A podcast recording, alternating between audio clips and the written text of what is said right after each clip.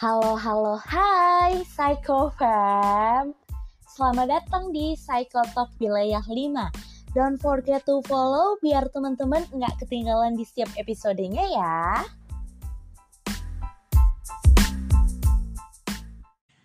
Halo Psycho Fam, kembali lagi bersama aku Sophia. Pada episode kali ini kita akan sharing, berbagi pengalaman, dan tak lupa kita juga akan berbagi tips dong. Jadi jangan lupa untuk stay tune dengerin sampai habis ya Psycho Fam.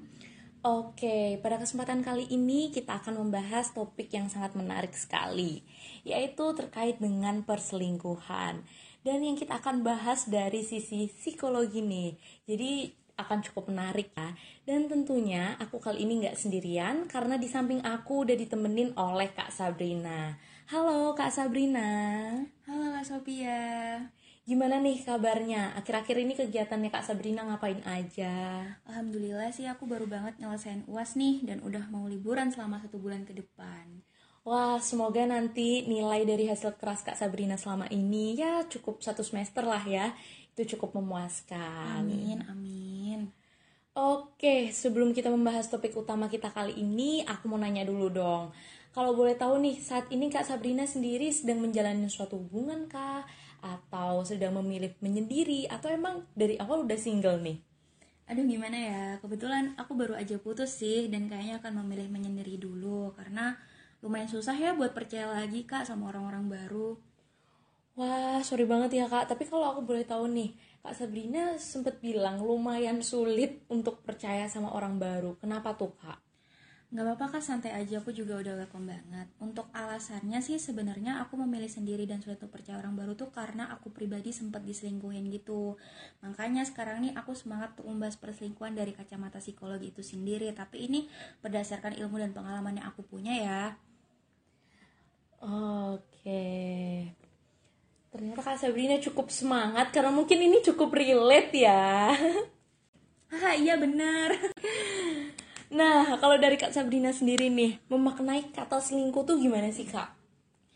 Sebenarnya kalau dari aku tuh makna selingkuh ini bisa subjektif ya dan luas banget tergantung penilaian masing-masing orang. Tapi kalau dari aku sendiri sih secara garis besar selingkuh tuh suatu hal yang dilakukan secara nggak jujur sih kayak misalnya melanggar kesepakatan dan identik dengan ketidaksetiaan kalau dalam menjalani hubungan gitu. Nah, terus e, biasanya hal-hal yang dilakukan tuh kayak sembunyi-sembunyi juga meskipun cuma sekedar chat atau telepon intens.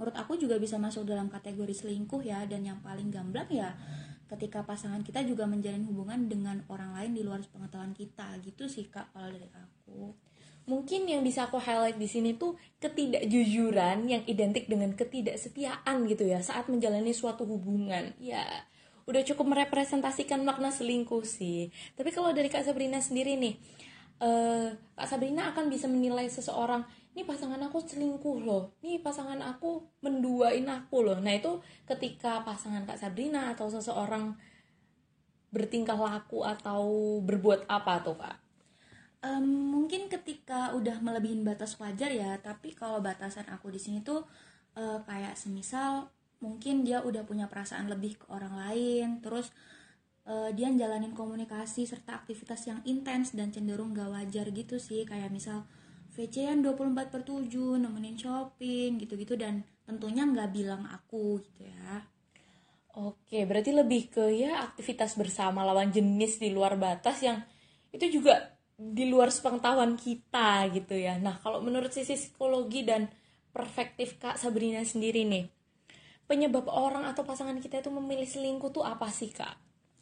Kalau berdasarkan sependek pengetahuan aku sih, mungkin bisa dibilang selingkuh tuh erat kaitannya dengan masalah perasaan, cinta, dan seksual ya.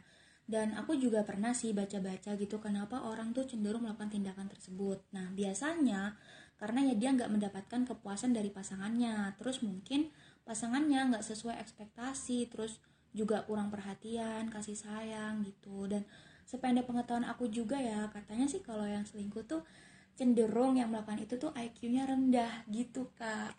Oh itu ada sih penelitiannya. Nanti kalian boleh deh search di Google kalau nggak percaya Oh, menambah insight baru sih ya. Nah, jadi karena adanya hal-hal yang udah Kak Sabrina sebutin tadi, itu membuat seseorang atau ya pasangan kita mencari apa yang tidak didapatkan dari kita dan itu mencarinya ke orang lain gitu ya kak ya iya bener banget kayak misal nih si A udah berespektasi berlebihan gitu si B kayak misal aku pacaran sama si A aku udah bakal dapat perhatian nih terus aku mungkin bakal punya rumah buat berbagi keluh kesah tapi ternyata hal itu nggak dia dapetin dan akhirnya ya dia berusaha untuk mencari itu ke orang lain tuh juga bisa jadi dorongan utama sih buat orang lakuin selingkuh Hmm, ternyata cukup sepele sih ya. Ya, sekedar tidak terpenuhnya ekspektasi, terus kemudian itu jadi bibit-bibit yang apa ya awal mula berselingkuh gitu ternyata. Tapi kalau menurut aku pribadi nih, tidak hanya tidak terpenuhnya suatu ekspektasi dari seseorang,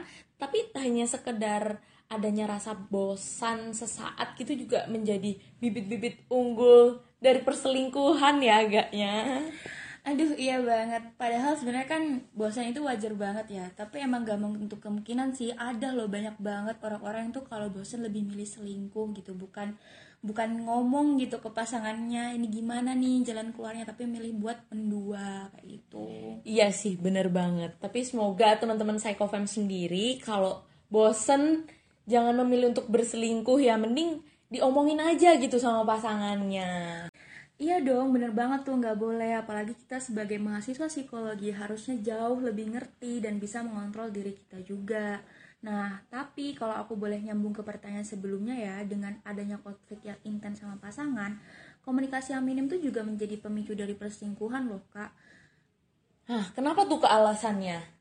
Ya, sekarang gini deh, kalau misal dari setiap hari ada aja pertengkaran, debat mana sih orang yang akan nyaman pasti kan males gitu apalagi kalau misal penyampaiannya juga nggak enak dan menyinggung perasaan pasangannya Iya sih, benar-benar benar. Tapi kalau menurut Kak Sabrina sendiri nih, akan ada nggak sih Kak dampak dari perselingkuhan gitu?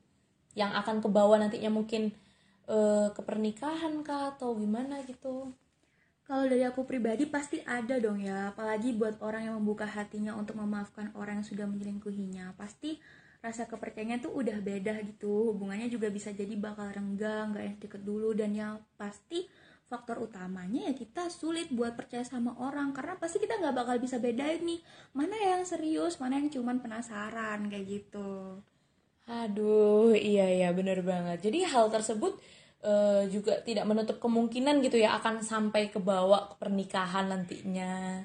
Sebenarnya bisa aja sih ke bawah tapi dikembalikan lagi ke tiap orangnya ya. Ada yang emang benar-benar berubah tapi ada juga pasti yang masih membawa habit-habit kayak gitu walaupun udah nikah. Bahkan aku juga pernah baca gitu di penelitian kalau nggak salah ini penelitian yang bikin Amerika deh. Katanya tuh seseorang yang pernah selingkuh bakal melakukannya lagi bahkan sampai tiga kali jadi nggak menutup kemungkinan habit tersebut kebawa sampai ke jenjang pernikahannya kayak gitu. Jadi kalian kalau memilih pasangan inget-inget tuh latar belakangnya kayak gimana bisa nggak maklumin kayak gitu.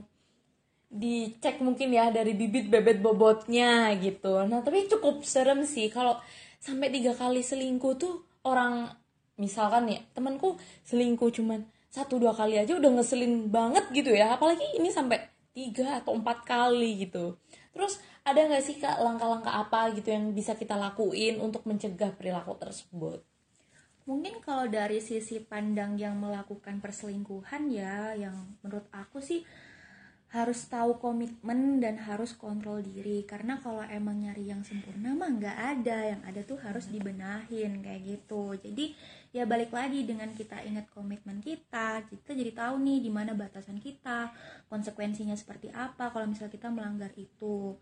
Terus ya balik lagi kita harus inget tujuan kita bangun komitmen ini apa kayak gitu. Jadi biar uh, hubungannya nanti nggak ngarah ke mana-mana kayak gitu keren sih tips atau langkah dari kak Sabrina ini uh, bisa menjadi awal kita untuk uh, apa ya menghambat lah biar kita nggak melakukan hal tersebut gitu. Kalau misalkan aku bisa review lagi di sini, tadi Kak Sabrina udah nyinggung, kita harus nyamain tujuan dulu gitu dari awal, terus membangun, membangun komitmen juga, biar kita sendiri tahu batasan gitu. Konsekuensi apa sih nantinya kalau misalkan aku ngelakuin ini, tuh ntar aku bakal kayak gimana gitu. Kayaknya harus kita ikutin deh guys. Oh kalau boleh tahu nih dari Kosope sendiri langkah untuk membangun kepercayaan biar pasangan gak selingkuh gimana ya kak? Biar nggak aku terus gitu yang ditanya. gimana ya kalau mungkin dari aku sendiri tuh lebih ke ini sih membangun strategi coping dalam pemecahan masalah terus ya gimana ya kayak yang udah kak Sabrina singgung tadi kalau misalkan kita konflik terus kan nggak enak ya. Jadi ya mungkin dari aku sendiri lebih menerapkan ke penyelesaian masalahnya itu seperti apa gitu kayak ya mencari win-win solution lah biar kita itu uh, apa ya nggak ada yang dirugiin gitu dari salah satu pihak gitu. Terus kita juga bisa mulai dari ngertiin satu sama lain nggak nuntut apa yang berlebihan. Terus ya mungkin juga bisa kita saling support gitu. Lebih kayak gitu sih kak kalau dari aku. Bener sih emang secara garis besar kurang lebih sama ya. Jadi aku setuju banget sih sama pendapat kak Sofia. Obrolan atau kesepakatan penyelesaian masalah tuh penting banget. Jangan sampai nih pas ada masalah nggak dicari solusinya terus dipendam sendiri. Aduh percaya deh kalau kayak gitu tuh pasti bakal keulang terus. Oke oke. Bener sih aku juga setuju banget. Semua masalah itu harus dicari itu solusinya. Dan solusi itu tentunya dari kesepakatan bersama ya nggak dari salah satu pihak aja gitu yang memutuskan. Biar nggak ngerugiin satu sama lain juga gitu. Iya benar-benar. Tapi nih uniknya ya seseorang ngelakuin perselingkuhan tuh bisa dikatain udah jadi karakter tersendiri gitu loh. Kenapa tuh kak kok kayak gitu? Ya selingkuh tuh udah jadi karakter orang tersebut gitu dalam arti kayak menunjukkan sulitnya seseorang tersebut untuk berkomitmen dengan orang lain. Contohnya nih dia sama pasangannya udah punya komunikasi yang bagus, hubungan mereka juga solid, tapi dia punya karakter dari awal yang emang sulit untuk berkomitmen dengan orang. Jadinya ya susah gitu pasti kalau mau langgeng apalagi kan udah karakter orang. Ya balik lagi ke habit tadi itu karena ya namanya kebiasaan mana gampang sih buat dirubah. Iya sih bener apalagi kalau udah karakter gitu ya bakal bakal sulit banget gitu ya untuk dirubah iya karakter tuh nggak bisa tau dirubah kalau nggak dari keinginan orang tersebut kayak gitu mau kita maksa kayak gimana pun kalau orang yang gak mau berubah mah susah gitu tapi ada nggak sih kak hal-hal kayak gitu tuh yang ada gitu kayak keturunan dari genetik atau gimana sih kak? Atau emang itu dari personalnya tiap orang aja gitu? Kalau menurutku sih nggak ada ya keturunan genetik perselingkuhan itu ya emang karakternya aja gitu sih. iya iya jadi bener ya dari personal orang tersebut bukan genetik. Betul, tapi itu juga ada pengaruh kalau misal ditanya pengaruh itu ada pengaruhnya dari pola asuh, lingkungan di sekitar dia tinggal, trauma itu juga bisa dipemicu sih kenapa orang ragu buat berkomitmen atau enggak berkomitmen tapi nggak bisa nepatin kayak gitu-gitu. Betul sih, aku setuju. Mungkin itu juga ya mendasarin orang-orang tuh beranggapan, oh dia tuh selingkuh karena bapaknya juga tukang selingkuh. Maksudnya ternyata itu dengan uh, adanya faktor lingkungan bukan genetik dari bapaknya gitu ya. Betul betul. Kadang kan kita sebagai anak tuh pasti melihat ya apa yang orang tua kita lakukan gitu. Apalagi kalau emang belum bisa berpikir panjang. Dalam artian ya dia ngelihat di sekitar dia selingkuh tuh nggak apa-apa. Mungkin dia melihat ketika mamanya diselingkuhin mamanya still oke okay, atau mungkin mamanya juga ikut selingkuh jadi dia membiasakan uh, karakter kayak gitu. Ya itu sih bisa jadi pemicu jadi balik lagi ke gimana tiap personal itu memaknai, terus berpikir secara kognitif yang jernih gitu ya. Ya, yang jelas itu karakter bukan genetik gitu loh guys. Tuh, jangan salah persepsi ya guys ya. Oke deh, karena pembahasan kita juga udah cukup kompleks, terus sharing, arahan, serta ilmu-ilmu dari Kak Sabrin ini bisa membantu kita banget nih buat kita makin tahu informasi-informasi gitu. Jadi aku mau berterima kasih banget kepada Kak Sabrina yang udah meluangkan waktunya untuk memberikan informasi yang ya cukup bermanfaat buat kita semua. Oke kak, makasih juga ya buat kak Sofia yang udah mempercayai aku untuk jadi narasumber pada episode kali ini. Seneng deh bisa berbagi ilmu. Semoga bermanfaat ya. Maaf ya kalau aku ada salah-salah kata. Semoga bisa diambil yang baik-baiknya aja ya Psychofem. Oke, dan nggak lupa aku juga mau ucapin terima kasih buat Psychofem sejati yang udah dengerin podcast episode ini hingga akhir. Dan see you di next episode dengan pembahasan yang tidak kalah menarik dengan narasumber yang keren-keren Psycho Fam. See you!